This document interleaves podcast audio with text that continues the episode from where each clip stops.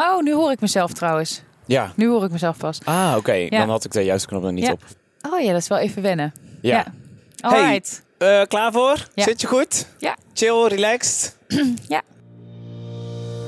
Hallo! Tof dat je luistert naar de Gaaf podcast. Mijn naam is Rudy van Beurden en in deze podcast interview ik collega's, sprekers en trainers op het snijvlak van de volgende drie thema's. Public speaking, personal development en poen en purpose. Waarom? Omdat ik erg benieuwd ben naar hun antwoorden op de hoofdvraag van deze podcast. Hoe fix je een gaaf leven? Dus, ben je ook benieuwd naar antwoorden op deze vraag? Of ben je op zoek naar meer energie in je leven en meer helderheid in je hoofd? Zet je dan schrap, want hier komt een volgende aflevering.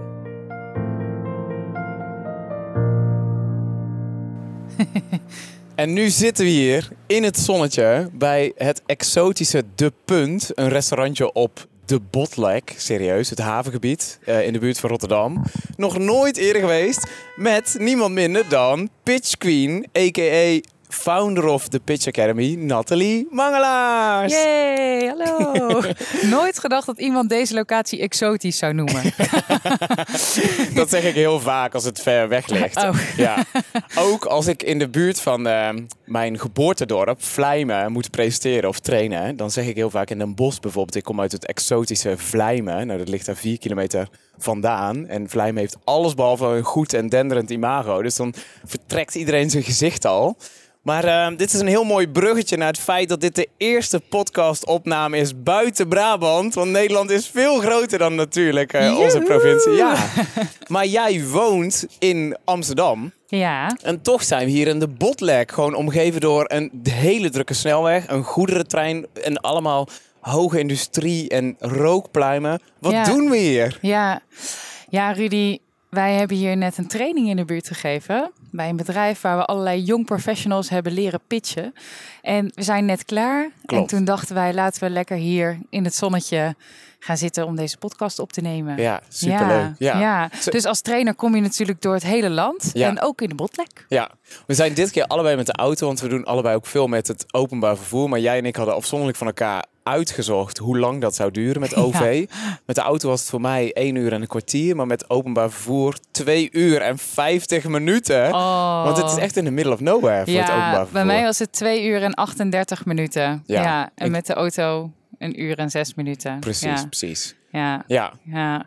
Maar goed, in the middle of nowhere. Ach, soms sta je in het midden van de stad. ja. Ja, dat maakt het juist ook heel leuk, vind ik. Verschillende mensen, verschillende locaties, verschillende culturen. Ja, dat Ja. maakt het vak, Ja. vind ik heel leuk. Want Ja. het is nu vrijdagmiddag en het zonnetje komt echt heel lekker door. Dus we zitten lekker buiten op het terrasje. Het is super chill. Wat heb je deze week al gedaan? Want je hebt meerdere opdrachten gehad, toch?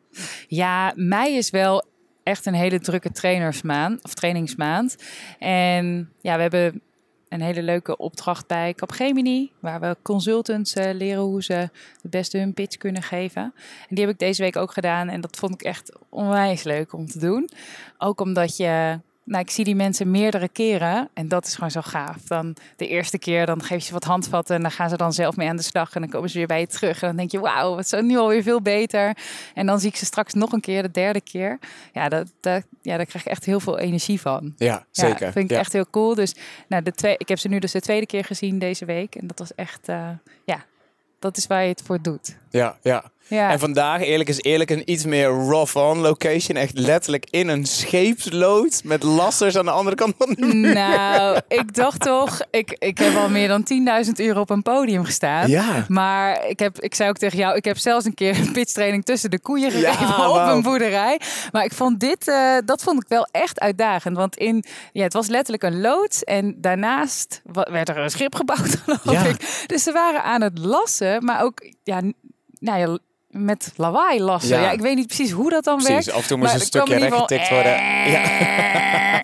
En dan was ik daar heel enthousiast aan het uitleggen dat je je pitch met een dreun moest starten. En dan hoor je en tussendoor. Dus ja, ik, ik moet zeggen dat, dat ik zelf da- daar ook wel eens dacht van... oh, ik ben afgeleid. En dat je dat ook weer bij jezelf ook moet accepteren op een podium. Hè? Dat je denkt, oh, ik ben heel even met mijn hoofd ergens anders. Even accepteren. Hmm, en weer door. Ja. Eh, en ja, ook soms merkt je publiek het ook. En als het dan ook zo is, zeg je, goh, ik was even afgeleid door het lassen Ja. hoor. En dan benoem je het en dan kun je weer door. Precies. Maar ja, dat was wel, ik vond dat wel heel erg uitdagend. eh. Quite some noise pollution. ja. Met 120 young professionals en de top van het bedrijf erbij. En echt van alles. Maar dat brengt ons hier. Maar misschien eerst, want daar vragen sommige luisteraars ook over. Van, hey, wie zijn al die mensen, die trainers en sprekers die jij interviewt? En voor mij ben je een bekende. Wij kennen elkaar al een paar jaar. Ja. En ik heb al een tip van de sluier opgelicht. Je bent begonnen als de Pitch Queen. Met name pitch trainingen. En nu heb je de Pitch Academy opgericht. Waar we samen ook veel vanuit werken, vanuit jouw onderneming. Ja. Maar first things first, en dat is een containergrote vraag. Wie ben jij en wat doe jij? en je spreekt Heerlijk. een beetje Brabants, want je hebt in Tilburg kom- gestudeerd, toch? Ja, en ik kom oorspronkelijk ook uit Brabant. Ja, kijk Ja, ik ben in Waalwijk geboren en in Roosnal opgegroeid. Maar wie ben ik? Ja, dat is zo'n hele grote vraag inderdaad. Maar wie ben ik? Nou, wie ben ik als ondernemer? Dus ik ben, ehm, ik ben een ondernemer. Ik vind het heel erg leuk om mensen mee te nemen en iets te leren. En een aantal jaar geleden ben ik eerst als pitch queen begonnen, maar nu dus met de Pitch Academy. En hebben we een droom om Nederland het land met de allerbeste pitchers ter wereld te maken. Ja, waarom hebben we die droom? Omdat ik gewoon zie dat heel veel mensen zijn gewoon hele mooie mensen. Of ze hebben supergoeie ideeën, of ze hebben geweldige bedrijven. Maar als je dat niet kort en krachtig over kunt brengen aan anderen tegenwoordig, ja, dan kan je echt al de boot missen. En dat vind ik gewoon super jammer, want pitchen is een vaardigheid die je kunt leren. En nou, door de jaren heen hebben we dus verschillende heb ik pitchtrainingen ontwikkeld en daar ook een theorie omheen ontwikkeld. En eh, nou, in eerste instantie gaf ik zelf die pitchtrainingen als pitch queen. Eh, maar op een gegeven moment groeide dat. En ik wil natuurlijk heel Nederland de beste pitchers maken. Dat kan je niet in je eentje. Dus dan zoek je daar hele toffe mensen bij. Die, eh, die dezelfde visie hebben, dezelfde energie. Nou, daar ben jij er dus één van. Om, om ook de trainingen mee te verzorgen. Ja. En eh, ja, ik ben dus iemand, nou, ik vind het echt leuk om mensen iets te leren en een vaardigheid te leren waar ze echt iets aan hebben. En aan de andere kant vind ik het heel leuk om te innoveren en te ondernemen. Ja. Dat, ik kom echt uit een ondernemersgezin. Allebei mijn ouders zijn ook ondernemer. Dus dat zit wel in de aard van het beestje. Ja. In welke hoek hebben zij ondernemingen? In welke sector? En mijn vader heeft een bedrijf in de IT. En ze hebben samen nu ook nog een bed and breakfast en trouwlocatie in Zuid-Frankrijk. Oh, oelala. Château de Blomac. Ja, ik ben Oh, er zelf vet. ook getrouwd trouwens. Ja, cool. Ja, ja, dat is echt ja, een super gave locatie. Dat zijn de twee, eh, de twee bedrijven die zij hebben. Ja, ja. Ja. Hey, maar dat pitje dat kwam niet zomaar uit de lucht vallen. Want jij hebt net als onze vorige gast van podcast nummer 3, Jerre Maas, die jij ook kent toevallig. Ja. Ook de ontwikkeling doorgemaakt van initieel ZZP'er zijn. Dus als één pitter. Jerre is dan eh, aanvankelijk als duo begonnen. Maar de ontwikkeling naar ondernemer. Met grote initiatieven, met een grotere pool samenwerken. Je bent de initiatiefnemers van het NK Pitchen. Ja, ook met nog. heel veel media-aandacht. Oh, In jaar één of twee, hoeveel, jullie hadden het uitgerekend hoeveel Nederlanders jullie bereikt hebben. Ja, we hebben in 2018 5,8 miljoen mensen bereikt. Ja, insane. Ja, dat, dat, toen ik dat zelf had uitgerekend, toen schrok ik er ook wel van. Ja, maar je krijgt toch zeker ook de, de, ja, de wat grotere kranten. Die hebben natuurlijk en nog hun krantoplagers, maar zeker tegenwoordig ook een heel groot online bereik. En Ja. dat is heel makkelijk. Dat kun je heel makkelijk uitrekenen de hoeveel mensen het is. Ja, Editie NL, RTL Z, Ja, eh. Metro, krantje in, in de treinen. Ja, klopt. En. Nu.nl. ehm, Ja, alle grote media hebben we, da- kunnen we daarmee bereiken. Dus dat is wel echt heel leuk. En dat helpt ook heel erg. Waarom ik het ook heb opgezet is omdat, omdat ik Nederland echt wil, wilde inspireren met goede voorbeelden over pitches. Mhm. En nou, toen ik het startte, drie jaar of vier jaar geleden inmiddels alweer, toen kon ik zelf weinig goede on- Nederlandse pitches online vinden. Ja. En dat vond ik super jammer. Ja, en ik denk dan altijd, ja, hoe kan ik iets ontwikkelen dat eh, gewoon heel tof is eh, voor mensen, dus die mensen kan inspireren. Eh, maar uiteraard is het natuurlijk ook een heel mooi platform voor de Pitch Academy, want wij eh, mogen onze naam dan aan het NK Pitch eh, verbinden. Zeker. Ik heb dat concept bedacht en uiteindelijk dus ook gepitcht bij de media. En dat wordt heel erg goed, eh, goed opgepakt. Ja, heel Ja. leuk. Ja, ja. En, en misschien in, in jouw bewoording, waarom is pitchen eigenlijk zo relevant nu? Waar, waarom doet het het toe? Het, het is nu steeds meer en meer opkomend. Ja, ja van, van origine kwam het inderdaad meer uit Amerika. En was meer een verkooppraatje in de lift. Eh, maar tegenwoordig zie je toch wel, en zeker ook bij de jongere generaties, dat als je de aandacht, iemands aandacht niet snel weet te pakken. En diegene weet te triggeren om met jou in gesprek te gaan, dan is het sneller weg. En ik denk dat het gedeeltelijk ook door technologie komt. Doordat we gewend zijn dat alles sneller gaat. Dat dat ook weer een, zijn weerslag heeft op onze gesproken communicatie. Ja. En dat vind ik, um, dat vind ik, ja, dus ik denk dat daarom pitchen ook steeds belangrijker wordt is en geworden. is. Ja. En nu je dat zegt, want digitale techniek is heel belangrijk. Ik ga een experiment doen. Ik ga de volgende vraag gewoon filmen en opnemen. Kijken ja, wat ik was heel, je hoorde me misschien heel even stoppen, maar ik denk, wat is Rudy nou aan het doen? Dit Want jij keer benoem pakte je in één niet. Ja, keer hallo, je, ik zit hier om een verhaal te telefoon. vertellen. Maar ik zit er nog helemaal in. Pitch is steeds belangrijk. Het is echt een presentatievorm. De aandachtspannen wordt steeds korter inderdaad. En wat je terecht aangeeft, heel veel voorbeelden die komen uit Amerika. Die echt goed in hun cultuur passen. Ja. Maar hier gewoon een beetje te snel of te slack zijn. En als je het echt exact zo doet, dan komt het niet echt over het voetlicht in, Ja. eh, in Nederlandse organisaties. Ja. Valt jou dat ook op, dat de vorm, dat hoe mensen pitchen ook echt heel belangrijk is? Ja, dat, dat zie ik zeker. Ook als je kijkt naar meer Amerikaanse pitches. In Amerika zeggen ze wel eens, you have to show that you're confident. En dat betekent dat als je als Nederlandse start-up daar bijvoorbeeld gaat pitchen, dat je er eerder een schepje bovenop moet doen dan Nederlandse bescheidenheid eh, laten zien.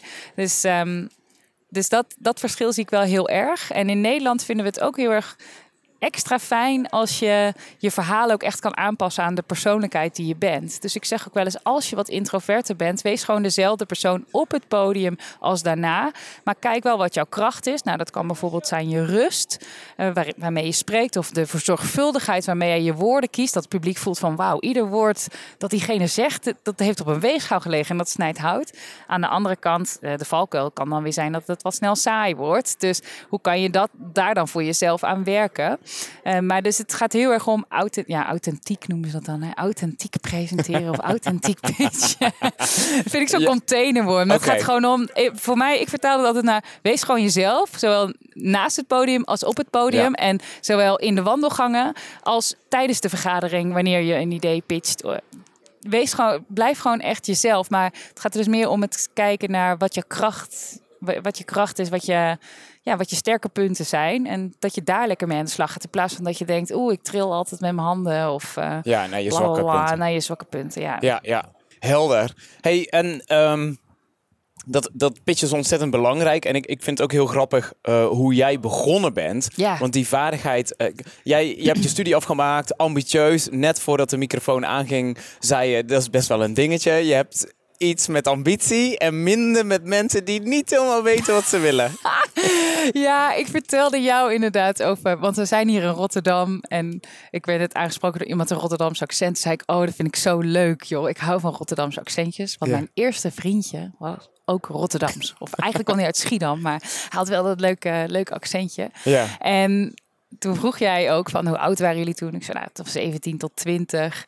En uiteindelijk is het uitgegaan. En toen zei ik ja, ik merkte dat we toch uit elkaar groeiden. Hij was een aantal jaar ouder en hij was afgestudeerd. En ja, hij wist niet zo goed wat hij wilde. En ik kan daar niet zoveel mee. Dus ik vind prima. Nou, trouwens, ik kan wel iets met mensen die even niet weten wat ze willen. Mhm. Maar doe dan in ieder geval dingen om te ontdekken wat je dan wel leuk Ja. vindt. Dus bijvoorbeeld vanmiddag tijdens de training was er ook een dame aanwezig, Ashna, die ken ik uit mijn netwerk. En zij heeft mij benaderd en ze zei, ja, ik denk eraan om misschien trainer te worden. Maar heb je misschien wat tips? Ik zeg, joh, je moet gewoon een keer komen Ja. kijken. Ga gewoon ervaren of het iets voor je is. Dus ik, ik, heb, ik, ik vind het, laat ik het zo zeggen, ik vind het een uitdaging om met mensen om te gaan die niet weten wat ze willen. Maar dan ook niet eh, de, de stoute schoenen aantrekken Ja. om, om eens dingen te gaan proberen. Die hè? gewoon geen actie ondernemen. Die geen actie ondernemen. ja. Dat, vind ik, eh, dat vind ik heel moeilijk. En ik denk dat die personen mij ook heel moeilijk vinden.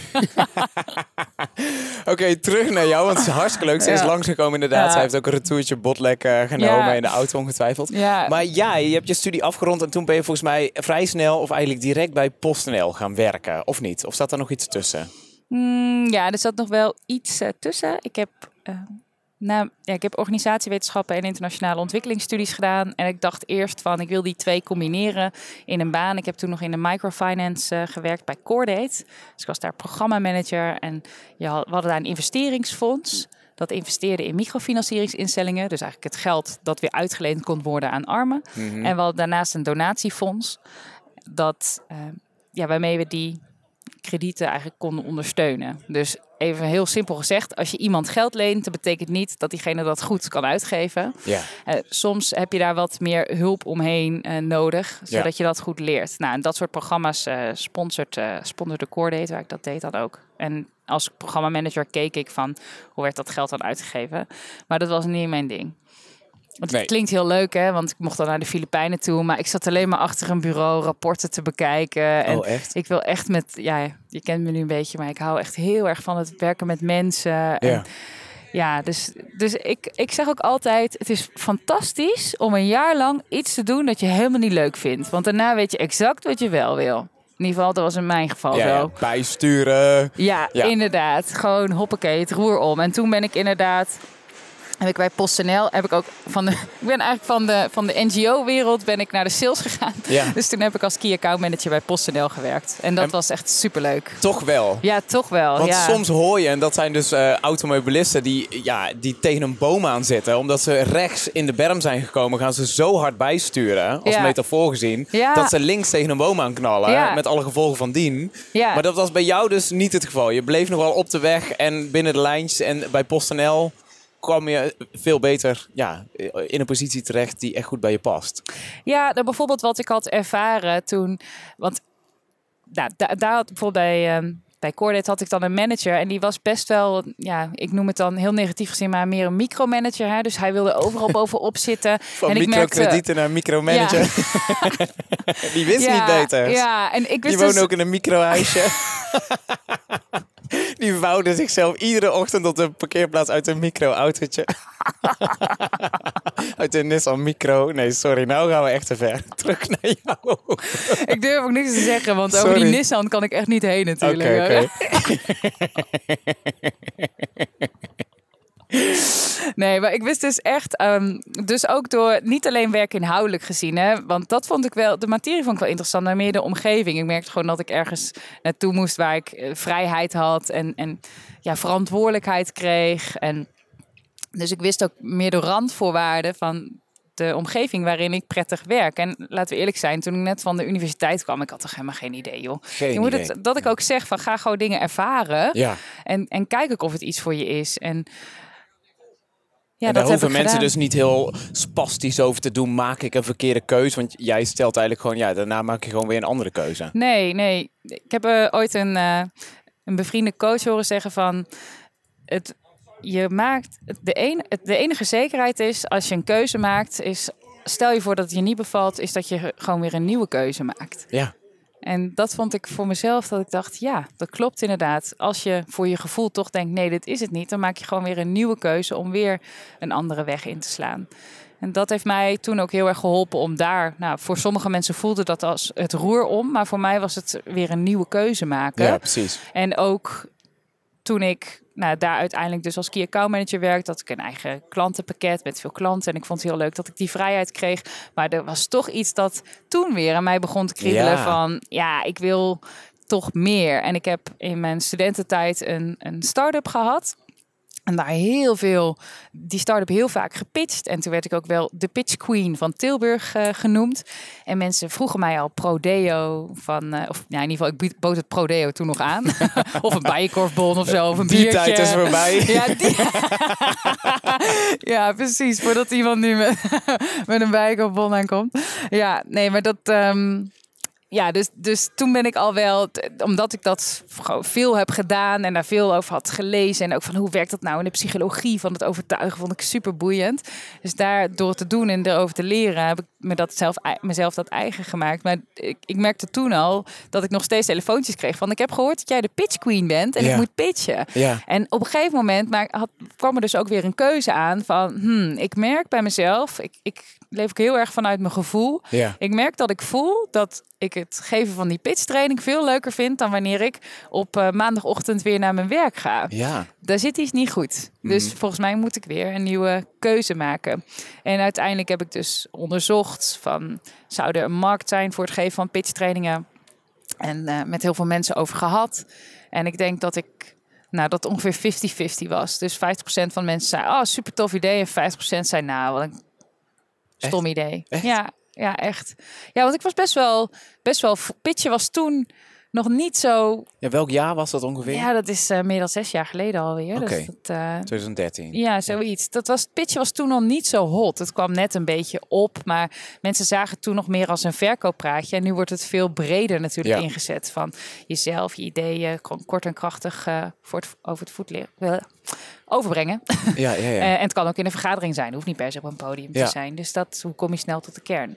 En dat, nou, dus ik, maar ik zag wel een kans. Want ik, ik dacht van ja, iedereen zit bij PostNL altijd te klagen over die lange presentaties bij vergaderingen. Ja. Of over dat sommige mensen super lang van stof zijn. Ja. En het is een vaardigheid die te leren is. Get to the point. Get to the point, inderdaad. Dus ja, ik ben dan ook stront eigenwijs. Dus dat zou ook echt mijn tip zijn. Als je heel veel negatieve reacties in je omgeving hoort, ga het gewoon doen. En prove them wrong.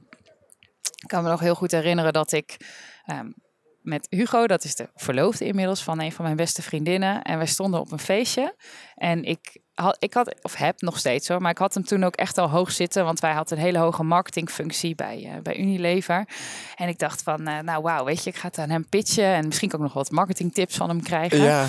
En hij vond helemaal niks. Hij zei, Oh. nou, hij zei nee joh, ik denk dat die markt is veel te klein. Het is veel te grote niche. En hij was super negatief. Dus ik stond daar op dat feestje. Nou, ik heb hem gewoon 25 eh, glazen wijn geloof ik gedronken die avond. ik denk, ik drink, ik drink me eventjes Ik weer in. eigen feestje wel. ik denk, oh my god. En toen de volgende dag, toen dacht ik, ja, oké, ik kan hier nu twee dingen doen. Ik kan me nu denk niet meer in mezelf geloven en ermee stoppen en ga de bevestiging of de, de bevestiging die hij me niet geeft eh, en, en kijken wat andere mensen ervan vinden. Of ik kan nu gewoon zeggen, I'll prove him wrong. Mhm. Ja, en dat heb ik gedaan. Want afgelo- we hebben ieder jaar ook met die vriendinnenclub hebben we samen met de ma- met aanhang hebben we een kerstdiner.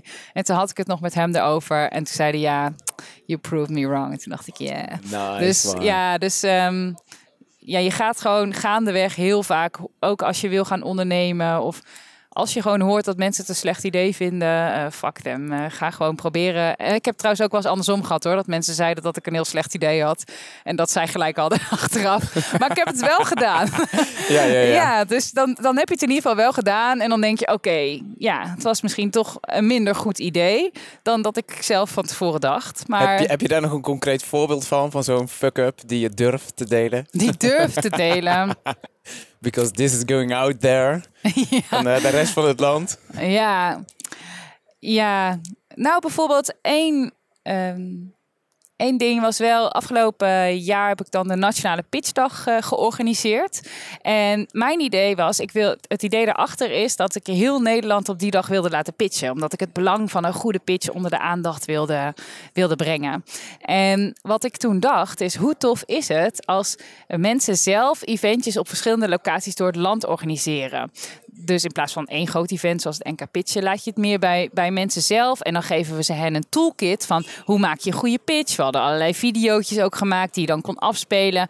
En dan kon je zelf een eventje organiseren. En wij konden daar dan vanuit onze rol kijken of we daar pers voor konden verzamelen. Nou, dus een aantal initiatieven zijn heel goed gelukt. Bijvoorbeeld er werd gepitcht op de Euromast. Nou, dat was super gaaf natuurlijk door eh, jongeren. En die eh, hun, hun start-up pitchten of eh, voor een baan pitchten daar. Ja, dat was echt super gaaf. Eh, dus soms als je het loslaat, komen er wel toffe dingen uit. Maar aan de andere kant heb ik ook wel gemerkt dat als je te veel loslaat, dat het, dat, ja, dat het niet altijd iets uitkomt. Hè? Dus dat mensen ook wel soms wel ook wel een beetje te veel nog zoeken. En dat had ik van tevoren gehoord. Dat mensen tegen mij zeiden van ja, het is wel een risico. Want ja, als je te veel loslaat, dan, dan weet je niet wat eruit gaat komen. En toen was ik eigenwijs, heb ik het toch doorgezet. Maar wat ik er wel van geleerd heb, is dat je toch, dat je toch beter zelf in ieder geval dan een aantal dingen in de hand kunt Ja, houden. precies. Omdat mensen to- eikpunten. toch fijner, fijner vinden van... Oké, op die nationale pitchdag, kan ik dan ergens naartoe komen om te pitchen? Ja, ja er zijn verschillende initiatieven, maar ja, het, was, het was net iets te vaag. Ja, dus, ja, eh, precies. maar aan de andere kant dacht ik wel, ja, er zitten een aantal dingen in het concept die heel goed hebben gewerkt. En een aantal dingen die, eh, nou, die verbeterd konden worden. En dit was er dan één van. Dus daarin was ik eigenwijs en they proved me wrong. Ja, ja, ja, ja. Maar ik heb het wel gedaan. En dan denk ik, ja, oké. Nou, ik weet het nu in ieder geval dat het niet... You win some, you learn some. Ja, precies. Ja. Hey, cool. Hey, we zijn nog... eh, één lijntje ligt nog open van die, die start-up die jij had. Want nu ben jij echt een pitch-guru natuurlijk. Je weet heel veel over die manier van presenteren, over overtuigen. Eh, die trainingen geef je in het Nederlands en in het Engels... voor de meest uiteenlopende doelgroepen waar we het al over hebben gehad. Ehm, maar juist die, die start-up was iets totaal anders. En wat mij heel erg aanspreekt eh, in jou... is wat je daarnet eigenlijk ook al hebt verwoord. Als jij iets ziet en eh, je weet niet wat je wil... dan loop je ergens tegenaan of je gaat ergens naar op zoek... wat gewoon heel pragmatisch is en waar je dan iets van kan maken. Dus Ja.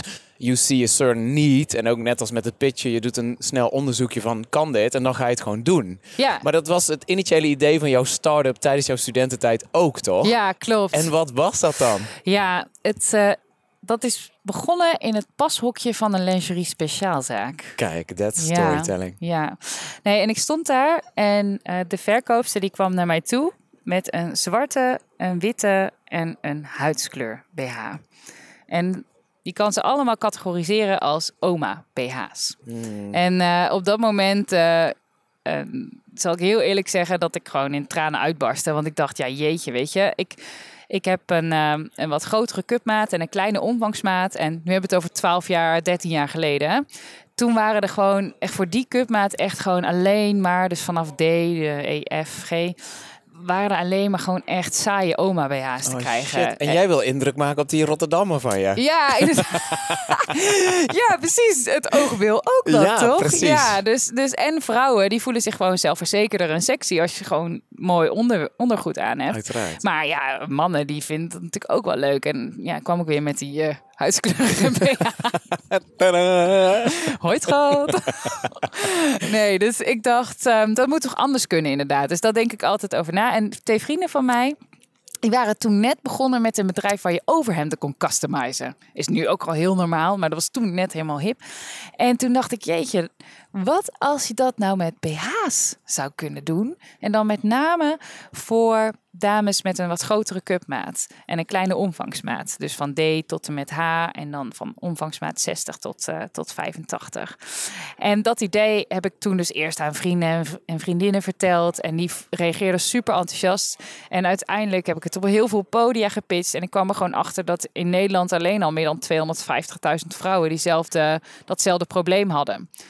Dus ja, dat, dat is dus het concept dat ik heel veel heb gepitcht. En uiteindelijk ben ik daar zo'n vier jaar mee bezig geweest. Dus eerst in de studententijd naast de studie en de feestjes. En daarna inderdaad tijdens me bij mijn core date en ook nog bij PostNL.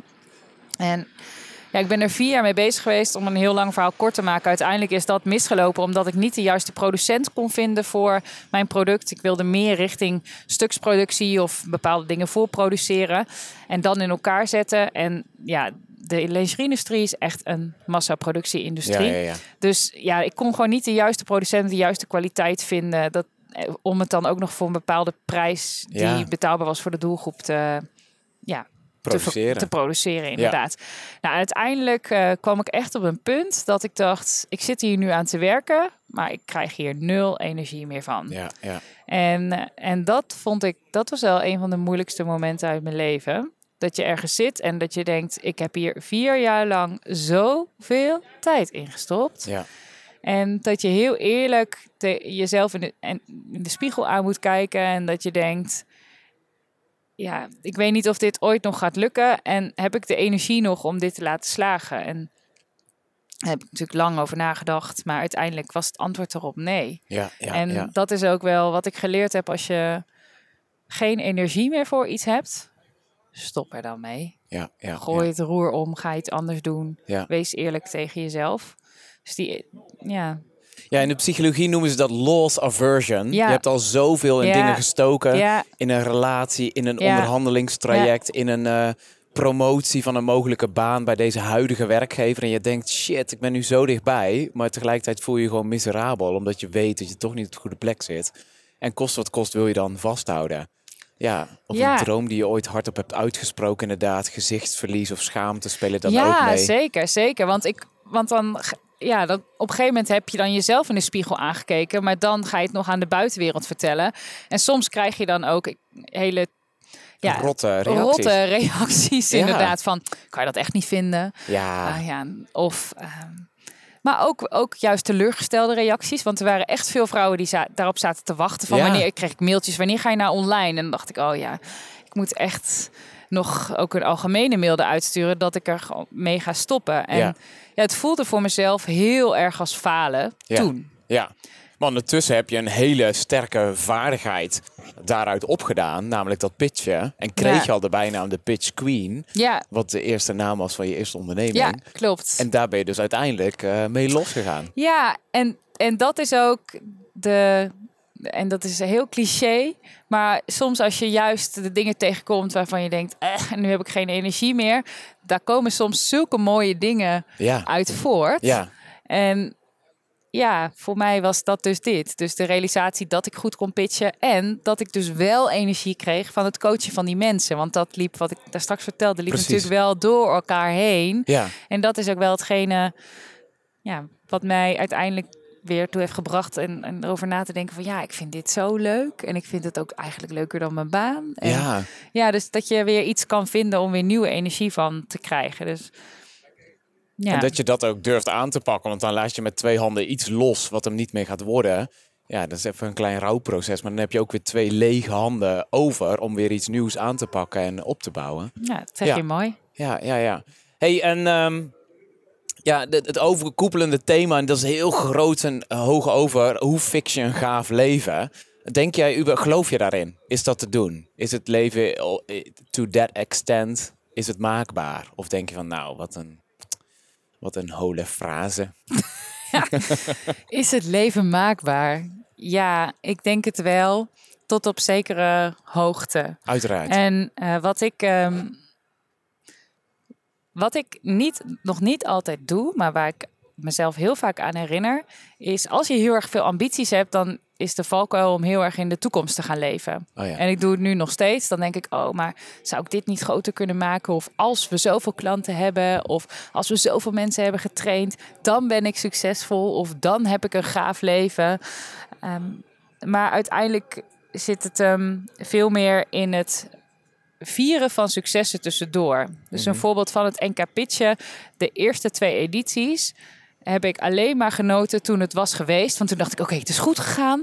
En eh, inderdaad, we hebben voldoende media-aandacht gehad. En de pitchers vonden het leuk. En het publiek vond het leuk. En dan kon ik pas genieten. Terwijl ik ben, ik, ik geniet, de afgelopen editie daarvoor heb ik ook veel meer genoten van die stappen daarvoor. Ja. Van als we dan, als ik gewoon een tof gesprek had met een van die pitchers, eh, terwijl we hen aan het voorbereiden waren op die pitch, dat ik dacht, ja, yes, ik heb hem nu een mooi, ook nog de beste pitchers van Nederland heb ik nu nog echt een mooi inzicht kunnen geven hoe het nog beter kan. Ja. Of je hebt iemand. ehm, ja, gewoon echt in de kleine dingen zit Zo is het. En de lol in het team. Want ik mocht toen een onderdeel verzorgen binnen 15 minuten tijd. Impro pitchen. Iets Ja. totaal nieuws. Gewoon Ja. een soort van stand-up comedian met een timerklok erbij. Ja. Hartstikke leuk om te doen. Maar ook de lol van het team. En hoe geolied dat ook ging. En dat iedereen echt zijn eigen aandeel daarin pakte. Dat was ook heel tof. Ja, en dat vond ik ook. Nou, dat bijvoorbeeld ook, hè, dat je op een gegeven moment merkt van wauw, ik, ik heb nu echt gewoon de juiste mensen op de juiste plek Ja, staan. ja. Wat tof dat en het daar zo heb je lekker in drie jaar loopt. tijd naartoe gewerkt. Ja, Ja, toch wel met al die verschillende edities. Ja, precies. Daar, daar werk je wel naartoe, maar ook dat je het kan zien en Ja. kan waarderen. En dat probeer ik nu steeds meer te doen. Dus niet alleen maar te genieten als ik het doel heb bereikt, want dan ben ik eigenlijk in mijn hoofd alweer bezig met het volgende doel. Maar veel meer van de, de kleine Ja. stappen tussendoor. En die schrijf ik nu ook dat echt letterlijk voor mezelf op. Van wanneer ik zo'n stap heb, Behaald. gemaakt, heb behaald. Ja, En dat ik, dat ik letterlijk dacht, dat was gaaf. ja. En ja. ik heb nu zo'n boekje en dan kan ik ook terugkijken van... oh, ik heb echt wel heel veel gave dingen gedaan. Zeker als je dan een keer een baaldag hebt, want er gaan ook echt dingen verkeerd. Tuurlijk, tuurlijk, ja. En dan, Ik heb één keer de variant gezien, daar werd ik in getagd op een filmpje op Facebook of YouTube. Eh, een glazen pot aan het begin van het jaar. Die was helemaal leeg op 1 januari. En elke dag schreef je daar iets in op een klein post-it briefje. van Oh ja. wat vet was van die dag. En na een jaar tijd zaten er 365 briefjes in. En dan sloeg je die pot kapot of je draaide hem om en alles kwam eruit. En dan gingen die op dit 1 januari van het nieuwe jaar allemaal naast elkaar leggen. En dacht je, wow, wat de fuck heeft 2019 veel vette dingen opgeleverd. Om het echt gewoon concreet te maken. En niet ja, in het nu ook wat jij zegt. Want dat is helemaal in lijn met wat je eerder zei. Van ik heb een beetje iets met mensen die geen ambitie hebben. En ik zat in die baan, maar ik was op zoek naar iets meer. Dus dat zit wel heel erg in jouw als zoekende zijn van... hey, there must be something around that corner. Weet je wel, Ja. dat je benieuwd bent. Ja, Ja. en blijf ook nieuwsgierig daarin. ja, Ja. want anders vlak je ook wel heel snel af als je snel genoegen neemt. Of als je ja, gezapig wordt of zo. Of als je te lang Ja. herhaaldelijke dingen doet, misschien. Of- Ja, nou, dat ik. Kijk, iedereen, een gaaf leven voor iemand kan natuurlijk ook zijn dat diegene 40 jaar lang bij dezelfde werkgever Ja. werkt. ehm, thuis komt bij zijn gezin en eh, iedere, op iedere woensdag gehaktballen eet. Ja, helemaal prima. is niet mijn leven. Nee, Maar ik weet ook heel, heel veel dat, dat heel veel mensen zouden zeggen over mijn leven van... oh my god, ik zou het nooit willen hebben. Ik ben eh, getrouwd met... eh, mijn man werkt in het bedrijf van mijn ouders in Frankrijk. Dus die, we vliegen ook tussen Frankrijk en Nederland op en neer. We hebben een kleintje van ruim anderhalf. Ik werk nou, eigenlijk nog gewoon fulltime. En dat mensen zeggen, hoe manage je dit allemaal Ja. als je man in Frankrijk is? En eh, nou, ik Ja. vertelde jou bijvoorbeeld ook dat gisteravond zou mijn man eigenlijk thuiskomen en zijn vliegtuig wordt in één keer gecanceld. En vandaag stonden wij op die klus. Ja, dan moet je even gaan schakelen. Sommige mensen zouden die stress of die snelheid juist helemaal niet willen. Dus ik denk dat het vooral zit in de kleine dingen en dat je zelf ook beseft van, nou, dit vind ik gaaf en dat is ook prima. ja. En wat iemand anders ervan vindt, eh, dat maakt me niet zoveel uit. Nee, precies. Was je daar ooit wel ooit gevoelig voor geweest? Heel erg. Oh, ja, echt? Ja, ja, ik- met name in mijn puberteit was ik heel erg bezig met wat anderen van mij vonden. En ik merk dat ik dat nu wel veel meer van me af kan zetten. En weet je waardoor dat is gekomen? Simpelweg door ouder te worden? Of heb, heb je... Door, door, denk ouder worden helpt sowieso.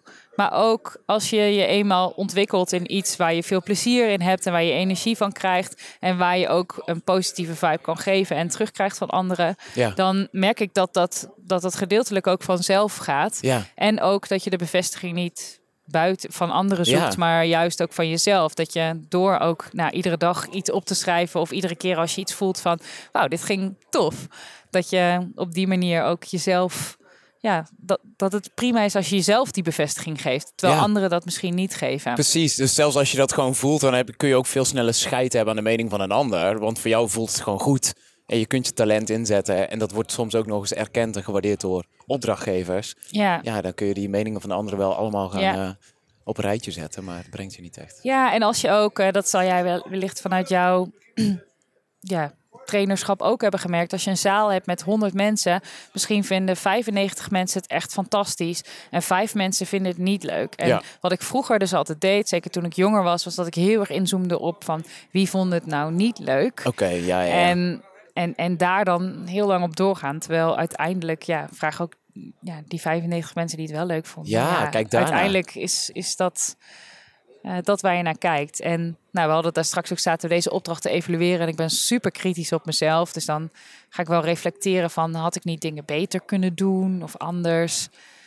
Maar uiteindelijk is het ook van, oké, ik ga het nu loslaten. ja, het is wel, het is volgens mij binnen de range die, eh, die ik had, heb ik echt het, het beste gedaan. Ja, daarom. En- Zij hadden ook gewoon even een lasapparaat, even een middagje uit kunnen zetten. ja, zijn, nou, mooi. Zo'n lasapparaat is zo'n typisch gevalletje van buiten jouw sfeer, van beïnvloeding. Ja, ja, ja, klopt, ja, klopt. Ja, Ja, ja grappig. Ik heb dat. eh, ja, ik denk dat ik dat minder heb. Want als je op het podium staat in de vorm van spreker of trainer of, of, of host. Het is gewoon een bepaalde genre die je hebt. Net zoiets als muziek, weet je wel. Ja. Als hier nou bij de punt, eh, als we van die Rotterdamse hits gaan draaien. Nou, dan gaat de helft van de groep die daar eh, aan de bar staat eh, lekker mee eh heupwiegen. En de anderen die denken, nou, ik laat hem van me afglijden. ja. En ik denk dat dat als host, ja, dat is gewoon, je hebt een bepaalde persoonlijkheid. Zo is het ook Ja. met collega's in een team of binnen je organisatie. ja. Ja, voor ieder wat wil is, weet je wel. Wat is jouw genre dan, als je jezelf met muziek zou moeten vergelijken? Sugarcoated pop music. Blij, sparkly, way too colorful. Lady Gaga.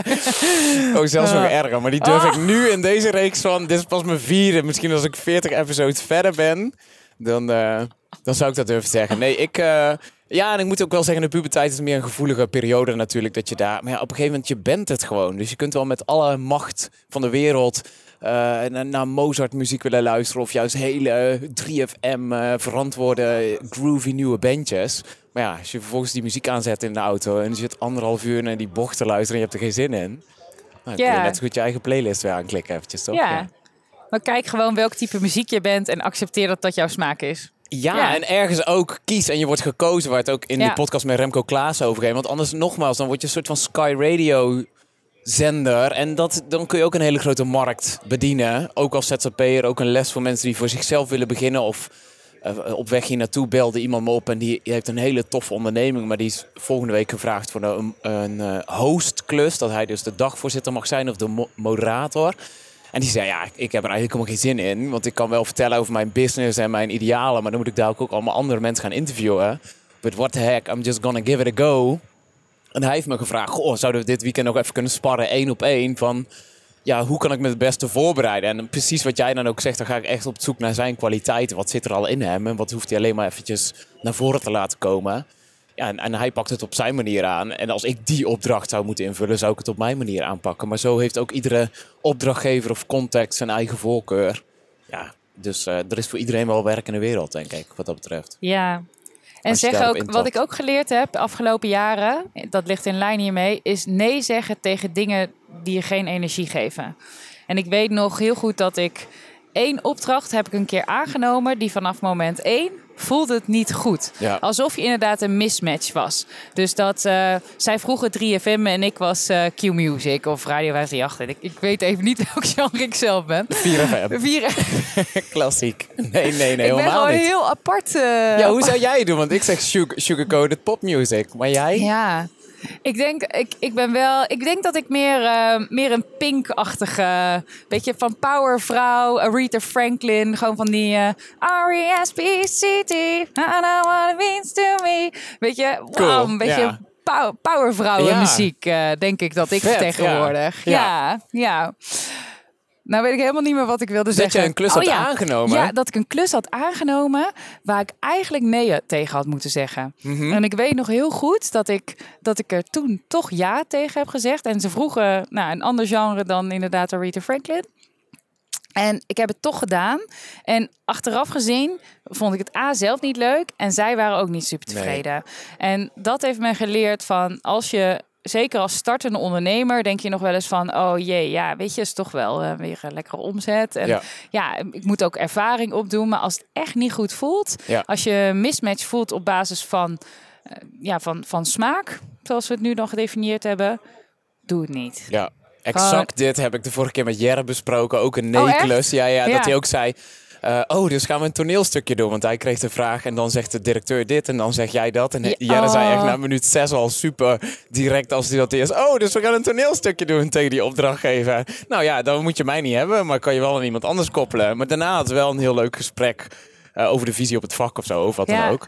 Dus ehm, ja, dat zijn wel parallellen die ik ook nu in deze reeks van vier interviews al terugziet. Van, Ja. van blijf trouw in jezelf. Ook echt waar je die energie van krijgt, dat komt meerdere keren terug. Maar misschien wel een goede vraag aan jou. ehm, want langzaam rollen we ook naar een afronding toe. Ja, Eh, Je bent super ambitieus. Je hebt mega veel dingen al gedaan. Je hebt ervaring in allerlei verschillende bedrijven, maar ook als zelfstandig ondernemer. Waar wil je naartoe schieten over 5, 10, 15 jaar? What's the bigger picture? ja, klinkt misschien gek. Mhm. Maar ik heb dus die droom om Nederland het land met de beste pitchers te maken. En dat is waar ik in ieder geval de komende jaren nog aan wil werken. Maar ik zie wel dat daar nog werk voor nodig is. Maar niet alleen het geven van trainingen, maar bijvoorbeeld ook dat je het veel meer gaat embedden in het onderwijs. Dus dat Ja. zou ik heel erg tof vinden als ik ook mijn bedrijf die kant Cool. naartoe kan ontwikkelen. Dat je nou, veel meer. ehm, veel meer daarover mee kan denken. Van hoe je het dan nog groter en echt meer op de kaart kan zetten in het onderwijs. Eh, dus dat vind ik heel erg gaaf. En ja, verder ben ik niet een type dat plannen maakt voor over tien jaar. Ik, precies wat ik net zei, je moet gewoon doen waar je energie van krijgt. En het kan zomaar zijn dat ik over een paar jaar toch denk. Nee, nou weet je, dit, dit was mijn droom. Of ik heb iemand gevonden die deze droom beter voort kan zetten dan ik.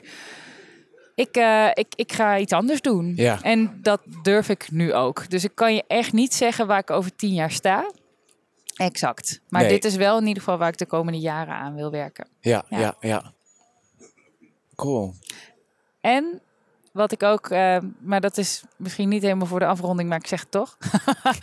wat ik ook echt vind, en zeker voor mensen die net starten met ondernemen, is dat je echt ook wel eh, mag uitspreken dat je dat het oké is om geld te verdienen. Dus het heet Poen en Purpose, zeg jij, waar je het over hebt. Ja. Maar dat is ook, ik zie dat die twee zo samen gaan. En je mag echt wel zeggen dat je, eh, dat je geld eh, wil verdienen met waar je heel erg goed in bent. En als mensen je vragen, ik heb het, we hebben het over de bijenkorfbon gehad. Maar op een gegeven moment voel je dat je die fase voorbij bent. Dus vraag ook gewoon geld voor je diensten. En als mensen het er niet voor gaan betalen, dan zegt dat op een gegeven moment ook wel weer voldoende. hè? Ja, ja, Dan ja. weet je ook dat je er een hele grote purpose in hebt. Maar je, als je wil ondernemen, moet je er ook poen mee kunnen verdienen. Ja, want dat zie je ook veel. En er zijn ook cijfers van, van hoeveel ZZP'ers eigenlijk, soms ook omdat ze parttime werken, omdat de partner wel een volledig inkomen heeft. Maar dat er ook heel veel fulltime ZZP'ers zijn die echt nauwelijks meer dan eh, het minimale inkomen verdienen. Of eh, nauwelijks meer dan eh, modaal, terwijl ze zoveel meer uren maken.